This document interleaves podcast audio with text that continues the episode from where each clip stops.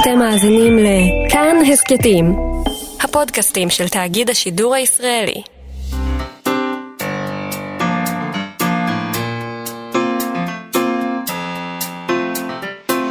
מה שכרוך עם יובל אביבי ומה יעשה לה.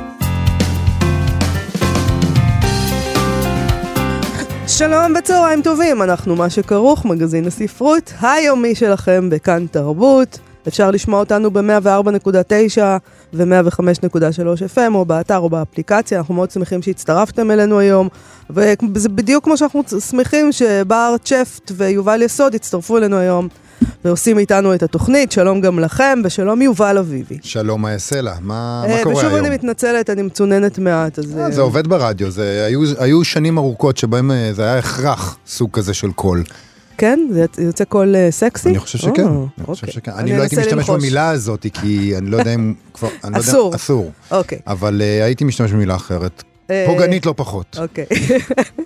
אז אה, על מה נדבר היום? כן. אפרופו פוגענית. לא, סתם, סליחה, שום פוגענות. אה, עדנה שבתאי כבר חוללה שערה קטנה בביצה, כשראיון עם ה- לספר החדש שלה, שנקרא כיום עובר, חיי עם יעקב שבתאי, קיבל את הכותרת, הוא לא עבד, ניהל רומנים ורצה שתישאר בבית. מדובר כמובן על החיים שלה, עם אחד הסופרים הישראלים הגדולים ביותר, אם לא הגדול שבהם, תלוי את מי שואלים, אה, שתוארו באותה כתבה בעיתון הארץ כך, היא פרנסה אותו ואפשרה לו לכתוב, ויתרה על חלומותיה למענו והבליגה על המאהבות. כן. אה, רן ליטבין מכאן ג' קרא את הספר, אני קראתי גם קצת את הספר, אני חייבת לומר. אנחנו ננסה ביחד להבין אם יש בספר יותר ממה שהיה בריאיון עם אה, עדנה שבתאי, אה, כי הרעיון היה פחות, אה, לא מושך כל כך. אני- הוא לא עסק הרבה עכשיו בספרות. אני רוצה להגיד משהו על הרעיון הזה, כן. זאת אומרת על רכילות, כאילו, כן. אני, דבר- אני אני מאוד אוהב אוהבת רכ- רכילות, גם אני. אוקיי? שלא יישמע שלא. ואנחנו עושים פה מדי פעם רכילות. מחבבת רכילות מאוד, ואם אי פעם בכאן תרבות אה, מישהו ירצה לעשות תוכנית רכילות, את אני רוצה להגיש למכרז. אותה. אגש למכרז, אוקיי? אוקיי. אני לא מסתייגת מהדבר הזה, אבל... אבל צריך לדעת לעשות כל דבר. למשל, גיא פינס יודע לעשות את זה מצוין, נכון? אני לא יודע, מוסף כמובן, הארץ, זה לא היה. מוסף הארץ? זה היה מוסף הארץ. אני לא זוכר אם זה היה מוסף הארץ או גלריה או לא משהו כזה. יודעת, זה היה אה, לא כל כך.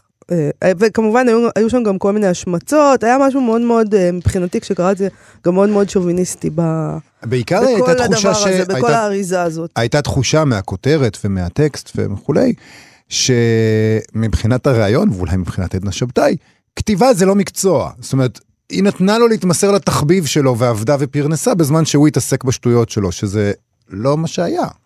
לא, אבל זה לא בדיוק מה שיש בספר. בספר אה, אתה רואה איך בעצם הוא, אה, אתה יודע, כתיבה יכולה להיות מקצוע, אבל אנחנו מדברים פה על להתפרנס. כן. עכשיו, הבן אדם הזה ישב בבית וכתב, היא אפשרה לו לעשות את זה. זאת אומרת, החיים, היא בחרה, נגיד שהיא בחרה, כי יש שם איזו מין סיטואציה כזאת שהוא לא רוצה לעזוב את הקיבוץ, אה, כי בקיבוץ הוא יוכל לכתוב בעצם, כי הוא כן. לא יכול לפרנס משפחה, ואז היא בעצם מתחייבת בפניו, אני, אה, אני, אני אעבוד. אני אפרנס אותנו, כי היא רוצה לעזוב את הקיבוץ, שהק- זה הקיבוץ שלה בעצם, שהיא גדלה בו, אבל היא- היא לא סובלת את החיים הקיבוציים. עכשיו אני אומרת, איזה מין בן אדם זה, אם אנחנו כבר רוצים להשמיץ, כן. כן. איזה מין בן אדם זה, יושב בבית, כותב, שולח את האישה שלו אה, להביא את הילדים למוסדות, אה, מוסדות הלימוד, וללכת לעבוד. ואז אתה יושב לי פה ואומר, גם כתיבה זה עבודה. תשמע חביבי, אתה תביא כסף הביתה, מצידי תסחוב את בלוקים. יודעת, תגיד לי חיים זוגיים. הם יותר מורכבים מאשר כותרת של ראיון. מה שמתחולל היא- בין בני זוג שהיו ביחד עשרות שנים ומצאו איזה מערכת שעובדת להם, וואלה, כנראה שהיה שם יותר מורכב מאשר היא הלכה, לעב- הוא שלח אותה לעבוד כדי שהוא יוכל אה, לכתוב תשמע, ולא מה לפרנס. שהעניין הוא, אה, המורכב, זה תמיד איזה מין תשובה כזאת אה, לכל מיני דברים מאוד לא מורכבים. הוא, לפי דעתי, כמו שאני מנתחת את מה שהספקתי לקרוא מהספר הזה, הרצון שלו להישאר בקיבוץ היה קשור לשני דברים. הוא בילה יומיים או שלושה בשבוע בתל אביב, ובשאר הזמן בקיבוץ, אז הוא לא היה צריך לפרנס משפחה, ובתל אביב הוא היה יכול להתהולל. והוא מצא לעצמו איזה קומבינה מאוד נחמדה שהיא קצת או- נ- את החריבה. רוצה להתחיל לדבר על אומנים גדולים והמבנה הנפשי? בוודאי וה- שאני רוצה, זה תענוג. אוקיי, בואי- נעבור הלאה. רגע, אני רוצה להגיד עוד דבר אחד. כן. אה, אה, זאת שאלה מעניינת, אני חושב. אולי נדבר על זה עם ערן אחר כך, של מה אנחנו כחברה מוכנים אה, לסבול מהאופי של אנשים בזכות היצירות שהם יוצרים. לא, לא, זאת לא. אומרת, מה רגע, אנחנו כחברה זה לא זה לא העניין פה. מה- יש פה אישה אחת, נכון, אבל אני שואל על? עלינו, אני שואל עלינו, האם היינו, אה, האם אנחנו דורשים מגבר כמו יעקב שבתאי להפסיק עם השטויות שלו ולצאת גם כן לעבוד ולנהל זוגיות נורמלית, אבל המחיר של זה יהיה שהוא לא יצליח לכתוב לא את דורשת זיכרון ממנו דברים. שום דבר. לא, אני שואל, אני אני לא לא, דורשת לא שאלה ממנו. של, זה לא משחק מה את דורשת, לי, זה- לי, זה- לי לא אכפת מהחיים. של יעקב שבתאי במובן הזה, אכפת לי מהספרים שלו, אני לא בדיוק. חיה את חייו. יכול להיות שלא היה לך את הספרים אם- שלו אחרת. בסדר גמור, אין לי שום בעיה, אבל, אבל זה בדיוק העניין. אני מעולם לא- גם לא דיברתי על חייו של יעקב שבתאי, לא התעניינתי בחייו של יעקב שבתאי. זה בדיוק הסיפור עם הספר, על זה צריך לדבר. כי ברגע. שיוצא ספר כזה, שבו היא מספרת לי על החיים עם יעקב שבתאי, ועל הקטנוניות, ועל הבגידות, וכל מיני דברים כאלה, אז אז זה נהיה אישו. אותי, אז אוקיי, אז היא מכריחה אותי לחשוב על איזה מין בן אדם הוא היה, איזה מין אישה היא הייתה. פתאום הדבר הזה שאנחנו, אוקיי, שהוא רכילות. ש... הוא נהיה הדבר. רכילות שאני יכולה לדעת, הם רבו, ואז אחרי שהם רבו, היה להם סקס סוער בגורן, כאילו הכל, הכל, הכל כתוב, חביבי. לפחות זה. אוקיי. אם אתם רבים, לפחות שיהיה סקס אה, סוער טוב, בגורן, אנחנו אנחנו נדבר על כל זה. נדבר על כל זה. ובאמת ננסה גם לדבר על ספרות אה, אה, עם ערן ליטבין, ואולי נצליח גם. אה, על מה עוד נדבר? נדבר עם אה, אתר האופק, שהיא עורכת, מבקרת, מתרגמת ספרי ילדים, אה, על מיץ פטל, כן. אה, ספר המיתולוגי הזה, ועל פרשנות מפתיעה שלה. אה, לגבי הסיפור הזה של מיץ פטל, מי הוא בעצם מיץ פטל? ומי הם האריה והג'ירפה גם, זה לא פחות ומי הם האריה חשוב. והג'ירפה, נכון. לפני כל העניינים האלה, אנחנו עם כמה עניינים אחרים, קטנים שמעסיקים אותנו. אה, אני רוצה לדבר קודם כל על תמונה ששיתף אה, יונתן שגיב בעמוד הפייסבוק שלו, של המלצה שקיבל הספר האחרון שלו, הצעקה האחרונה, זה הספר השלישי בסדרת ספריו על הח- החופרת. אה, עודד חפר, הבלש הלהט"בי הראשון, שהספר האחרון עוסק הרבה מאוד בהומואיות וקוויריות, וגם בטרנסים, ובטרנסיות ובטרנסיות, ואנחנו ישבנו פה ודיברנו איתו שיחה ארוכה על העניין הזה. נכון, יונתן שגיב שיתף בפייסבוק תמונה של הספר שלו, כפי שצולם באחת מחנויות רשת הספרים סטימצקי, כשמודבקת עליו המלצת הצוות, אה, כפי שהם נוהגים לפעמים, וכך כתבו בהמלצת, בהמלצת הצוות. ספר מותח ומלא עניין, אשר לוקח אותנו אל עולם חיי הלילה, בין הסמים, המשברים, ומי שרק רוצה לברוח משם. הפעם מדובר על כוכבת בת 15, אך מומלץ מגיל 20 ומעלה. חסר משהו פה. זה Mm. תמיד משמח שספר כזה מקבל המלצה כזאת, וזה באמת עוזר למכירות אגב. דרך אגב, אני שמח בשביל יונתן שגיב שזה קורה, כי אין, חוץ מהמבצעים, אין דבר יותר טוב אה, אה, מזה שהמוכרים אה, ברשתות אוהבים את הספרים שלך. מקדם המכירות הכי טוב זה מה שהמוכר ברשתות ממליץ. בכל זאת ההמלצה הזאת מרגיזה בגלל מה שאין בה שום אזכור של העלילה האמיתית של הספר, של המקום שתופסת בו הקהילה הטרנסית, העובדה שטרנסיות מקבלות בו תפקידים מרכזיים וחשובים, וכל שמציג אותן כדמויות לגיטימיות במרחב הישראלי, הן מק- הן מקבלות קול, מותר להן לדבר. אה, מה קרה? זה יפחית את הלקוחות? כאילו הם יראו שכתוב טרנסים ואז הם לא יקנו את הספר, ואם כן, אם הם לא יקנו את הספר בגלל זה, לא כדאי שהם ידעו מראש במה עוסק אה, רוב הספר שהם עומדים לקרוא? נזכיר שהספר של יונתן שגיב מתחיל בכך שעודד חפר, הבלש, החופרת, המכונה החופרת, נקרא לחקור מדוע אה, נערה בת 15 שהיא כוכבת נוער בהתהוות, נכנסה לדיכאון בדיוק כשהיא עומדת להקליט את אלבום הבכורה שלה, אבל מהר מאוד החקירה מובילה אותנו אל מאחורי הקלעים של עולם הזוהר הישראלי, שעושה שימוש נצלני וצבוע בטרנסים וטרנסיות, והספר עוסק בנושא הזה שמושתק ומוחבא גם בעידן הליברלי שלנו, שבו בעצם כבר יש, אה, ייצ- יש ייצוג נאה להומואים ולסביות בכל שדרות החברה, אה, פחות בספרות אולי, אה, ו- ואולי זה דווקא, בעצם, תחשוב על זה רגע הפוך על ההמלצה הזאת בסטימצקי, אולי זה דווקא יפה. יש שני טעמים שאני מוצאת ב- ביופי של ההמלצה הזאת, אנא. של סטימצקי. אנא. תשמע, אנחנו אירחנו כאן את יונתן שגיב אה, לפני שבוע-שבועיים, דיברנו איתו על זה שאפילו בקהילה הלהט"בית להיות טרנסג'נדרים זה להיות במדרגה שיוצרת רתיעה, אה, גם אצל שאר החברים אה, בראשי התיבות האלה של הלהט"בים. כן. אה, גם להם קשה עם טרנסג'נדרים, נכון. אוקיי. אז אולי המוחים בסטימצקי הם ייצוג ממשי של הדבר הזה, וכדאי, וכדאי שאנחנו נחיה במציאות. ייצוג ממשי של משהו זה חשוב. נכון. בואו לא נשחק אותה כאילו אנחנו כאלה ליברליים, כי זה שקר. אוקיי. הדבר השני, אולי בכלל מדובר במוכרת חתרנית, שידעה שאם היא תכתוב את האמת על הספר הזה, אנשים יירתעו, אז היא רוצה לגרום להם לקרוא אותו, גם ככה, אה, בלי שהם יבינו מה הם בחרו, כדי שהם ואז יוכלו פתאום שזה לראות, ייפול עליהם. הם יוכלו לראות, הם יוכלו לראות שהם נהנים מספר שאולי הם לא היו לוקחים לידיים כי יש שם איזה אה, טרנסית, אז זה יפחיד אותם. אה, וזה בעצם מהלך חתרני שלה, לשים לך את זה ביד בלי שתדע מה הולך לקרות. חתרנות ברשת סטימצקי. כן, כן, חתרנ... זה לא עניין של חתרנות ברשת סטימצקי, יש מוכרת, מוכרי ספרים זה אנשים. זה לא סטימצקי, עכשיו שמת עליהם חותמת סטימצקי והם הפכו להיות אז תגידי, את לא-.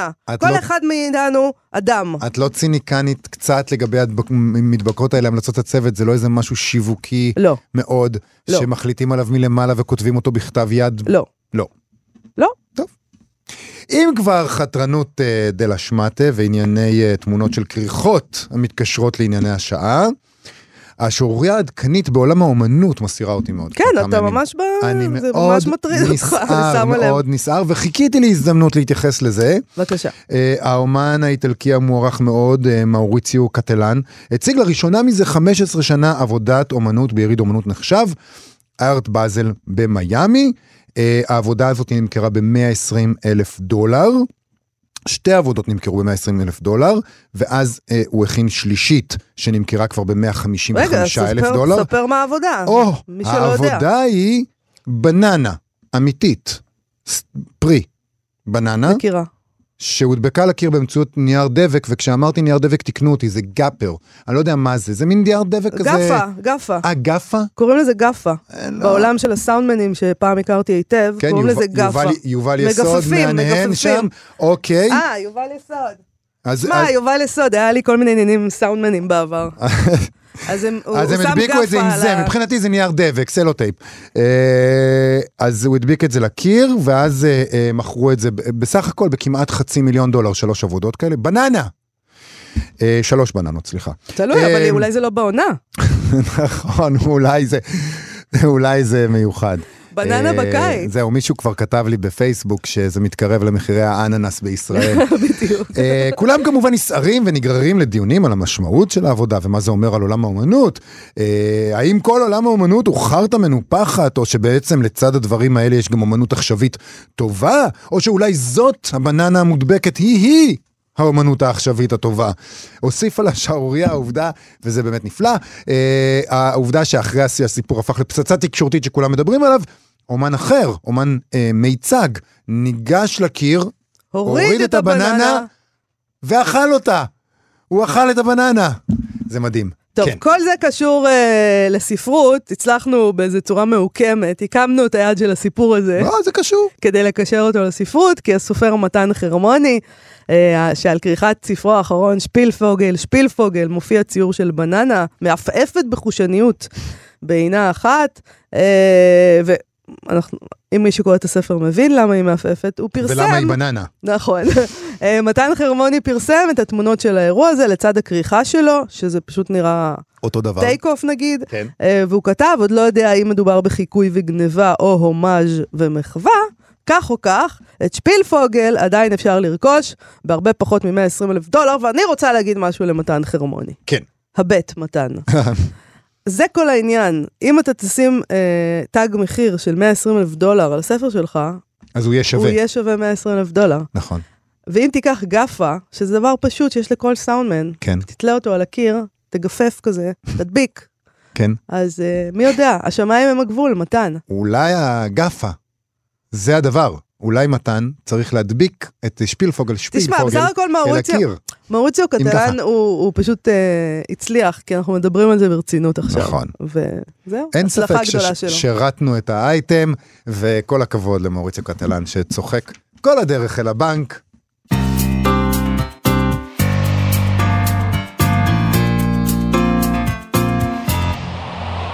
אנחנו, אני מאוד אוהב את מיץ פטל, אבל אני אה, חייב להגיד שבשבע השנים האחרונות קראתי אותו אה, כנראה יותר מדי.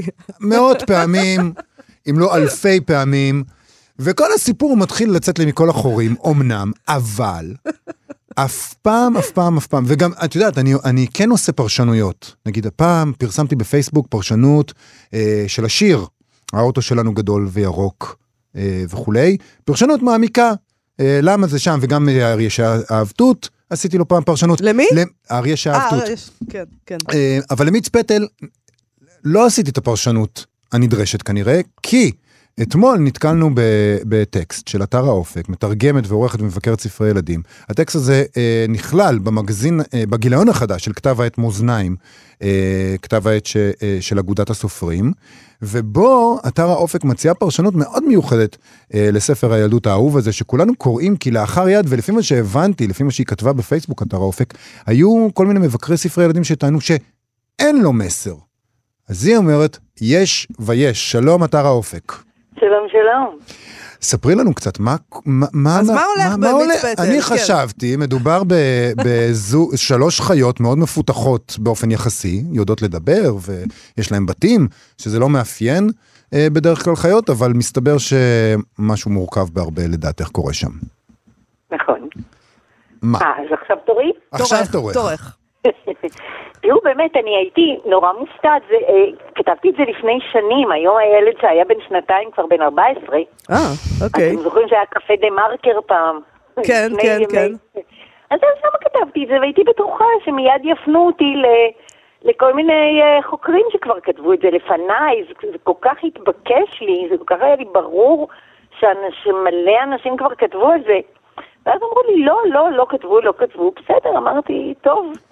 אמ, הרציתי על זה פעם פה, פעם שם, ואז פנתה אליי העורכת של מאזניים, אמרה לי, אולי יש לך איזה הרצאה ש... כי הם לא משלמים עדיין, זה אולי סוד, אבל אני מגלה. עכשיו סוד זה לא, חשוב, סוד עכשיו זה לא. סוד.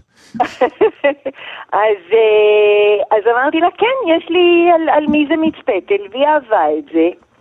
ו, ואז ממש הופתעתי לגלות, כשהכנתי את זה ל- לדפוס, אז באמת הלכתי וחיפשתי בכל הרשת, ומאמרים, וסקירות, וזה, ו, ו, וראיתי מאמר של יעל דר, שאני מאוד אוהבת ומעריכה, ב- ב- ב- בספר של הדודה של שוני שמלי, אה, שבו היא כתבה שהספר הזה ממש אין לו מסר באופן מובהק, זה ספר שנועד רק לילדים, בזמן שאני חושבת שהוא ספר שהוא מובהק לילדים והורים גם יחד. כמו רוב הספרים לגיל הרך, כפי שקבעה מירי שניר פעם בקביעה מאוד חכמה, שספרות ילדים לגיל הרך צריכה לספק שני נמענים שונים כל כך, זה מזה בעת ובעונה אחת, אני מקריאה שנייה, לשמור על קשב ועניין של ילד פעוט, עתיר אנרגיה וסקרנות, ושל הורה חרד ומתוסכל. ספר לגיל הרך, צריך לומר, אמירה משמעותית ומרתקת, באוצר מילים ומושגים מושגים מוגבל, בשביל שניהם, הילד והמבוגר. כן. וספרות ילדים אומנותית ראויה עוזרת לילדים המבוגרים להבין טוב יותר זה את זה. וזה בדיוק מה שהספר הזה עושה. איך אפשר להגיד שזה ספר ש... אז ש... מה אז רואה? רגע, אבל אנחנו במתח. פטל. אז מה יש שם? מי הוא מיץ פטל?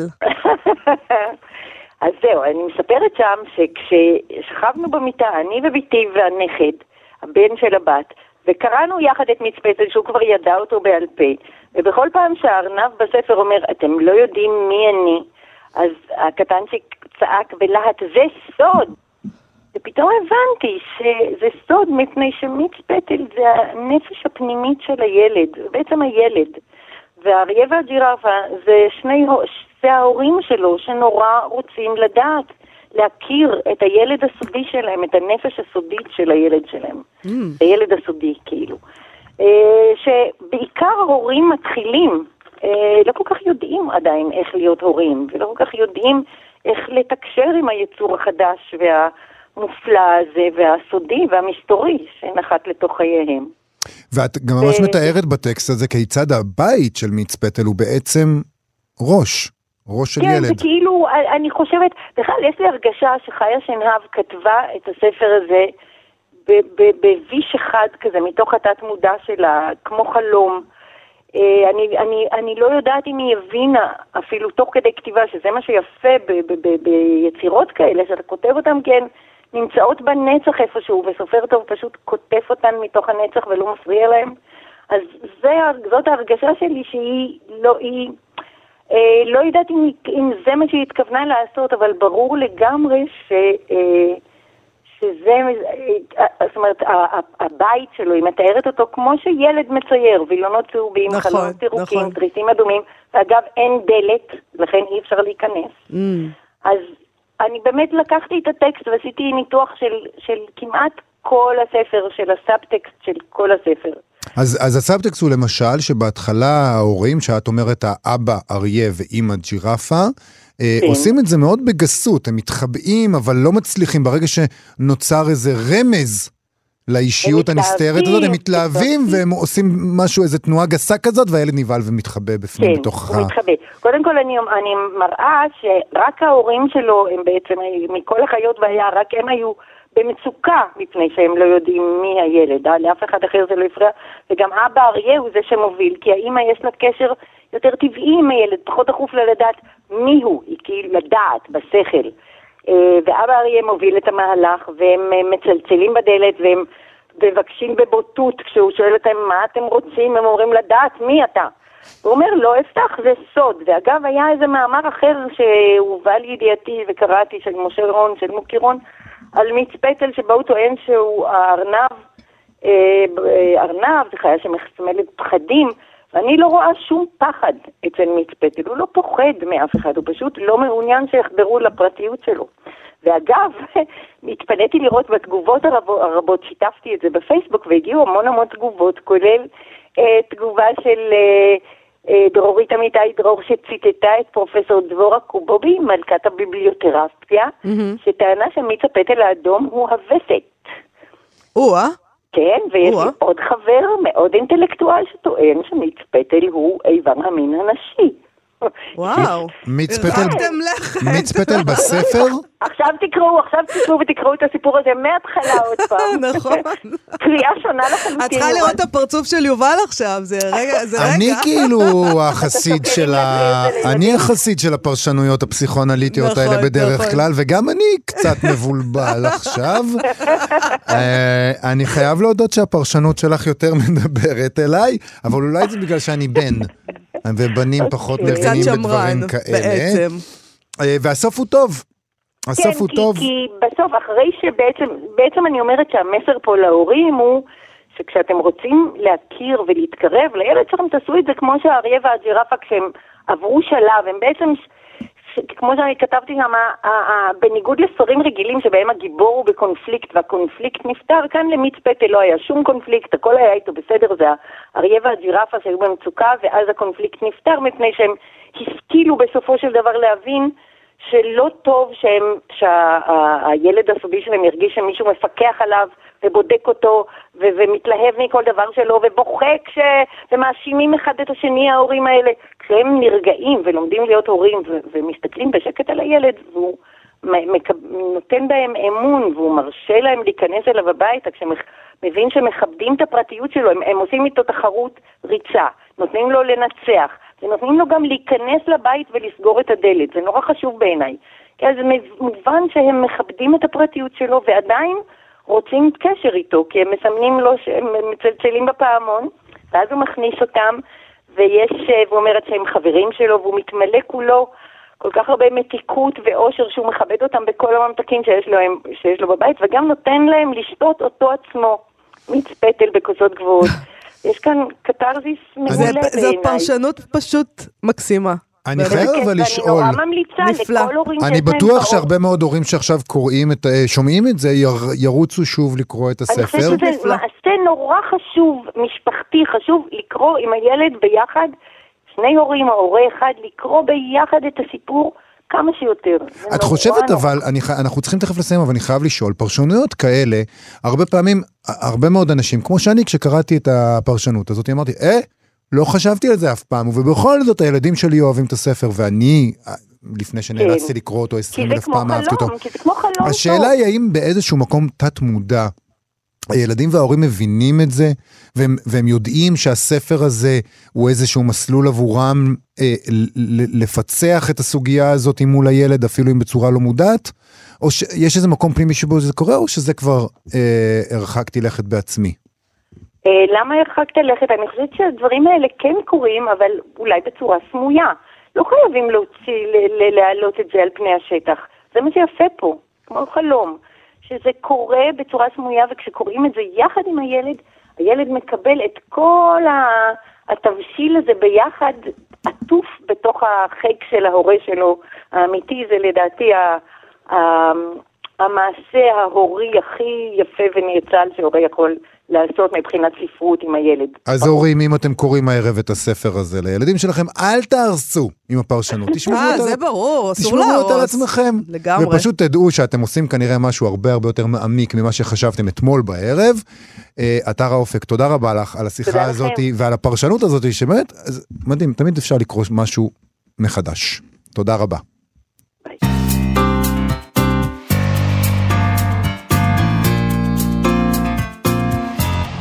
אנחנו כאן תרבות, במ... לא, אנ- כן, אנחנו כן כאן תרבות, רציתי להגיד מה שכרוך קודם, אנחנו כאן תרבות במה שכרוך, חזרנו, אה, אנחנו שמענו את מוניקה מוניקה סקס. סקס. מוניקה אמת, סקס. אמת. אמ, זה לכבוד הסקס?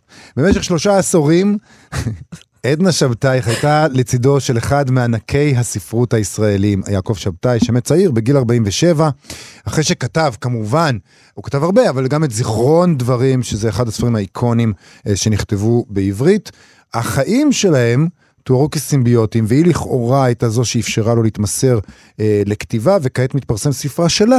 המתאר את הצד שלה של כל השנים האלה, הוא כבר עורר לא מעט רעש הספר הזה, בעיקר סביב הפרטים הסנסציוניים, שהם חלק מה, אה, מהספר שיצא בהוצאת הספרייה החדשה. אמרתי כבר את שמו, עוד לא אמרתי את שמו. עוד לא. כי היום עובר חיי עם יעקב שבתאי. אה, אנחנו ננסה להבין האם יש בספר הזה יותר מאשר סנסציה ורכילות, ביחד עם ערן ליטבין מכאן ג' שכבר שמעתם את קולו הערב, איתנו באולפן. שלום ערן. שלום לכם. אז בואו נתחיל עם קצת תיאור של מה יש בספר הזה, מה, על מה היא כותבת, כלומר, התיאור הזה של שלושה עשורים עם יעקב שבתאי. הספר הזה הוא בעצם אה, אה, חייהם המשותפים, שמתחילים אה, אי שם ב-1950 במרחביה. היא בת קיבוץ, הוא מגיע לשם באיזושהי פעילות נוער כזאת ואחרת, והקשר שנקשר ביניהם וחלופת המכתבים ביניהם היא, זה בעצם החוט השזור לאורך כל הספר. זה גם חלק מהגילוי בספר, כי באמת אנחנו נחשפים לצד המאוד אישי של שבתאי האיש, ולא שבתאי הכותב. ובעיניי אה, זה מסמך מאוד מעניין. אני, אני מבין את הצורך אה, לרוץ לסנסציות ולדבר על זה, וגם ראיינו אותה ו- וכל הדבר הזה. והאישה האחרת, ו- והילדה שנולדה. אבל אני רוצה, אני רוצה לדבר על המסמך עצמו, כי בעיניי זה כן מסמך. מכיוון ששבתאי בעצמו הוא, הוא כותב מאוד חשוב ומאוד מיוחד. אה, ושני הספרים שלו, זיכרון דברים וסוף דבר, עליי באופן אישי עשו רושם מאוד מאוד גדול, מאוד מאוד, לא רוצה להגיד השפיעו עליי, אבל אני זוכר אותם מאוד מאוד לטובה. אפשר להגיד השפיעו, זה בסדר. אני, קשה לי לשים את האצבע איפה ספרים משפיעים עליי. אני יכול להגיד שספרים עשו עליי רושם גדול, והם הם הולכים איתי הלאה. אולי זה הדבר, האפקט הכי גדול שספר יכול לעשות, עליי לפחות. אה, אבל מבחינת הספרות העברית, כמובן שיש לו מקום יותר גדול ומשמעותי. כן, נכון. אה, ו- וזה, וזה עניין אותי, מכיוון שאני מאוד אוהב ביוגרפיות, אתם יודעים את זה, מה, מהפגישות שלנו כאן. זה סוג של ביוגרפיה. אה, שתי ביוגרפיות, יש פה אה, ביוגרפיה תקופתית שמדברת על מרחביה של שנות ה-50, זה תחילת ה-60, ואז של תל אביב אה, של, אה, של שנות ה-60, שבעיניי היא נורא מיוחדת, כי היא, היא תל אביב של בוהמה, של סשה ארגוב, של אברהם חלפי, של אה, גרשון פלוטקין, של אריה נבון. הבוהמה לא כסית ולא רובל ולא כאלה, אבל המשהו התרבותי הזה קצת גבוה, ושבתאי ו- ועדנה היו חלק מהדבר הזה. וה, והספר בעצם מגולל את, ה, את, ה, את הביחד שלהם.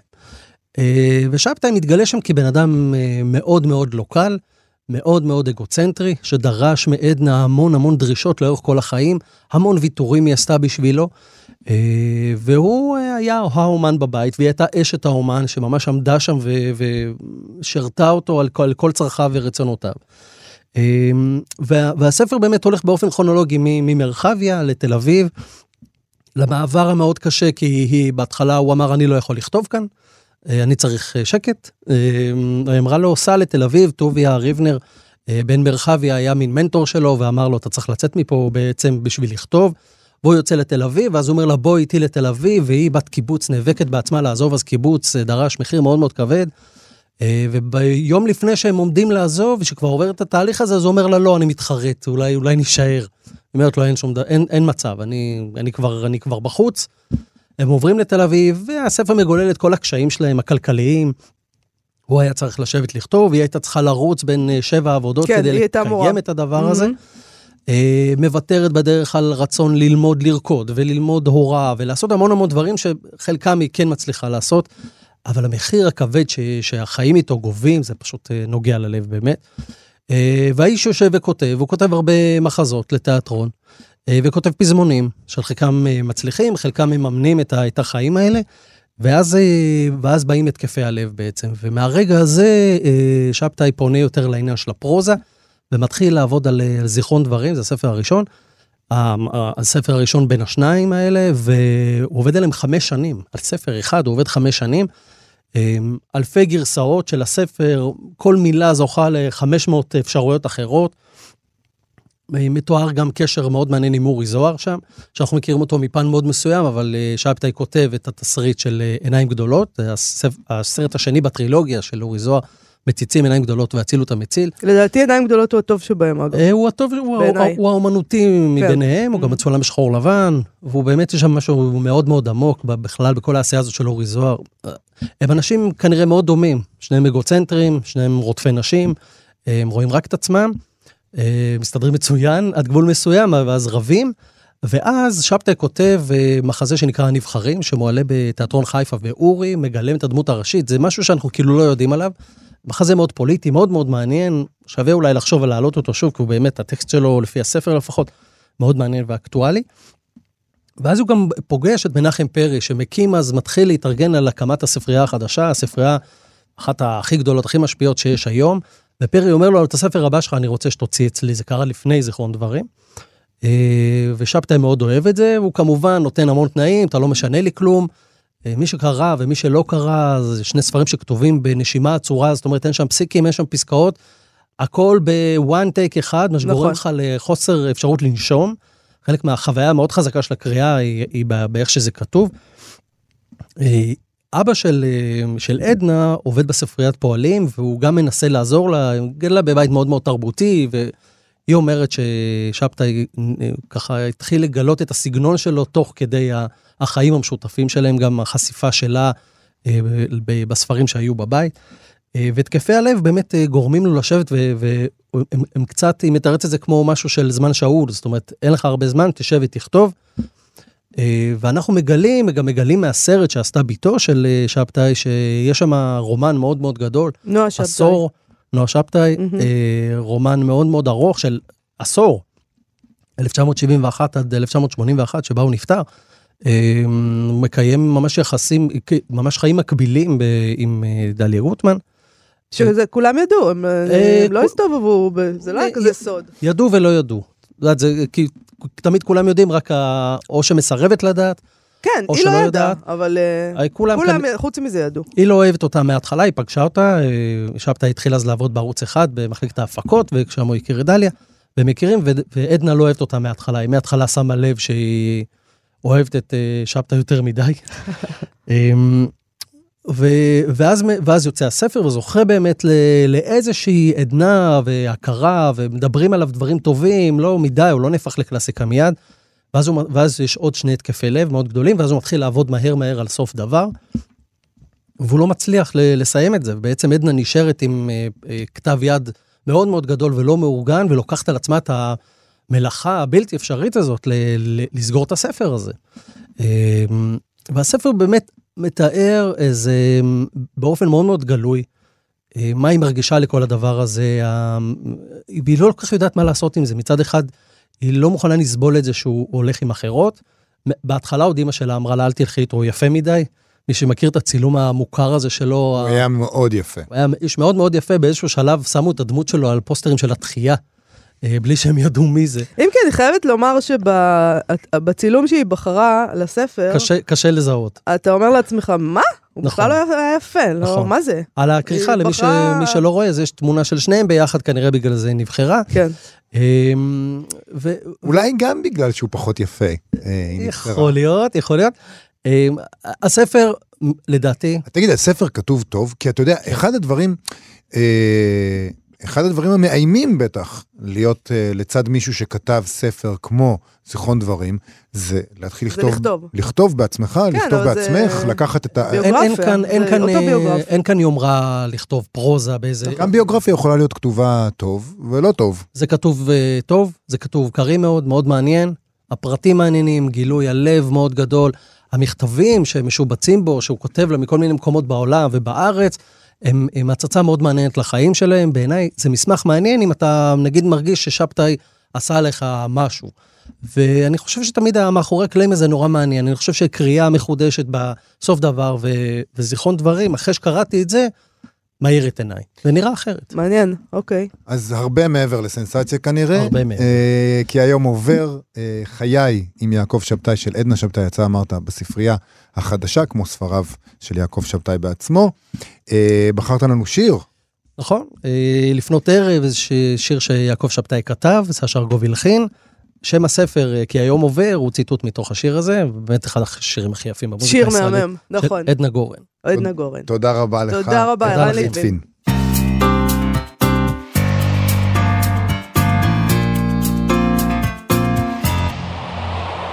פינת גנזים אה, בכאן תרבות, במה שכרוך.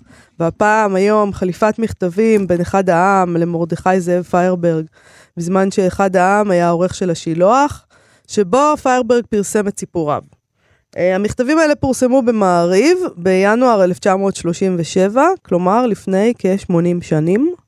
הם מדברים על כל מיני סיפורים ש, של פיירברג וגם על תשלומים שונים, שזה תמיד מעניין. בסוף נמצא שם העניין כן. הזה של התשלומים, והניסיון העיקש למצוא מימון להמשך פרסום השילוח, אבל המכתב המעניין ביותר הוא המכתב האחרון, שמתייחס לעבודה על הנובלה לאן, שפורסמה בהשילוח, בהשילוח אחרי מותו של פיירבר בגיל 24 מ- ממחלה.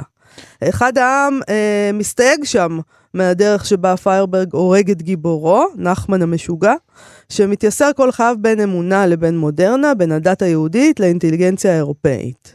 בואו נקרא קצת. כן, נקריא, אתה יודע, יש שם, זה לפעמים קשה להבין, יש בסוף הטקסט הזה, קודם כל, גם הכותרת שלו, מאוד מוצאת חן בעיניי, מכתבים לסופר ענוג וחולה, שזה נכון, הוא היה ענוג וחולה, הוא מת מאוד צעיר ממחלה, אה, אבל כל, יש פה שבעה מכתבים, וכל אחד מהם עם- הערה בסוף, אה, על המכתב הזה שנקרא עכשיו, כתוב שזה כתשובה למכתבו של פיירברט, אה, מכ"ו בטבת, הסיפור לאן נתפס בהשילוח כרך ה', 1899, כלומר אחרי מות פיירברג. וככה אה, הוא כותב לו. זאת אומרת, זו תשובה, רואים שזו תשובה מיד, כי כותב כך, לכתוב לך רמיזות לא אוכל. זה בטח איזו דרישה של פיירברג להגיד לו מתי זה מתפרסם, מה אתה חושב, מה, מה ערכת, מה שינית. לכתוב לך רמיזות לא אוכל. ראשונה, מפני שלזה צריך הייתי לקרוא את כל הסיפור, מה שלא תרשה לי העת.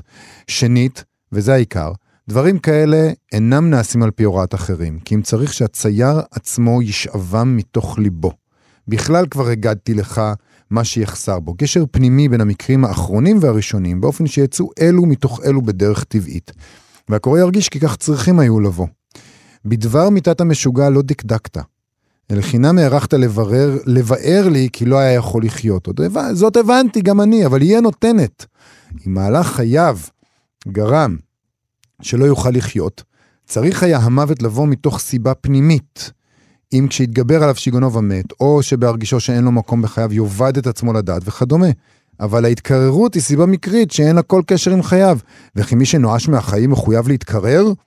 לכן אמרתי כי הדבר עושה רושם כאילו לא ידע המחבר מה לעשות בגיבורו, כלומר, לא להמשיך חייו ולא להמיתו מתוך חייו. וקרא לעזר את ההתקררות. ואז הוא אומר, רבניצקי הוא אתה בוורשה, לכשישוב הלום לאחר איזו שבועות, אדבר איתו, אבל מראש עליי להגיד לך, כי התקווה חלושה מאוד. התקווה חלושה מאוד. התקווה חלושה מאוד. אמ, מה שמעניין זה, נקרא רגע את הסוף של הסיפור. אני, מה שאני מבין זה בסופו של דבר, פיירברג משנה את הסוף, הוא משנה את הסיפור. אבל מי שיקרא, בכל זאת, מי שיקרא את הסיפור, גם היום, לפי מה שאני, אני קראתי אותו אה, שוב בפרויקט בן יהודה הנהדר, שזה פשוט דבר נפלא, אתה פשוט מקיש את הדבר הזה, וזה שם. אז מי שיקרא את אה, סוף הסיפור עכשיו, אה, גם כן לא יקבל את התחושה שיש איזה ממש משהו ממש ממש קוהרנטי של, של סיבה ותוצאה במוות שלו. נקרא את זה קצת? כן. Uh, בסוף הספר, uh, הנובלה, מתאר פיירברג את תחילת הפעילות של התנועה הציונית, את, ההתכנ...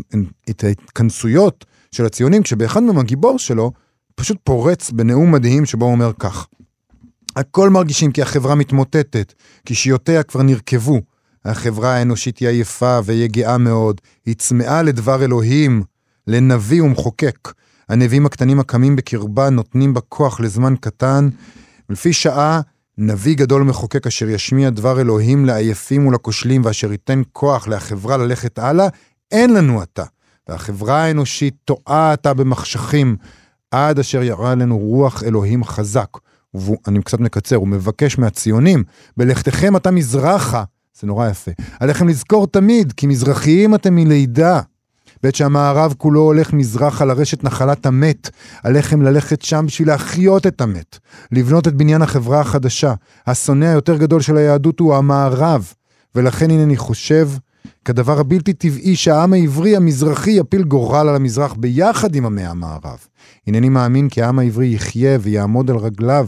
הנני מאמין כי העם הגדול הזה, אשר אי אפשר לנו לצייר במחשבתנו את מצב העולם בלעדי ספרה ורוחו הגדול, ייתן עוד פעם חיים לחברה. אבל החברה הזאת תהיה מזרחית. המזרח הגדול יתעורר משנתו ויחל לחיות חיים טבעיים. אז יעמוד העם המקולל בראש גויים, בראש המזרח החי. לכן החי, בנסיכם מזרחה, אל תיסעו כאויבי המזרח, אך כאוהביו ובניו הנאמנים, התחזקו להחיות אותו ולא להמיתו. פנטסטי, מדהים. ממש. עכשיו, הדברים האלה, לפי הנובלה, אה, מתקבלים שם די באדישות. הוא דופק את נאום חייו, והחבר'ה אומרים, אוקיי, next. אה, טוב, זה בטח גם חשבו שהוא תימהוני. כן, הוא משוגע, הוא נחמן המשוגע. כן. מבחינת פיירברג, עבור הגיבור שלו, וזה גם יפה. הדרשה ההיא הייתה הלהב האחרון אשר עלה מקרב ליבו והתפרץ החוצה. מני אז הלך נר אלוהים אשר בקרבו הלוך וכבה, עד אשר חמל עליו המוות וישם קץ לעינויי נפשו. וזה כנראה, זה כנראה ההסבר, זה כנראה מה שאיך אדם דרש. הקישור הזה בין המוות למהלך הליליתי ש- שקדם לו, אבל זה לא נראה קישור הדוק במיוחד. זאת אומרת, כן יש פה איזה מין... אז אני לא יודע, אני לא יודע, אבל אה, זה משמח אותי שהלכתי וקראתי שוב את הנובלה הזאת בזכות חליפת המכתבים הזאת. איזה נאום עוצמתי. והיא עומדת שם, אה, וכל אחד יכול לקרוא אותה. כל אחד יכול לקרוא אותה. חינם. אין כסף. לגמרי, ו- וזה נאום. מדהים שפיירברג כותב באירופה. מדהים, אה, מדהים מדהים, אבל אה, הגיע זמננו לסיים. נכון. אה, בואו נודה ליובל יסוד ובר צ'פט שעשו איתנו את התוכנית. וגם אה, לשלומי בן עטיה. בן עטיה שהחליף אותו בינתיים. אה, ואנחנו נהיה פה שוב מחר. נכון, להתראות. להתראות.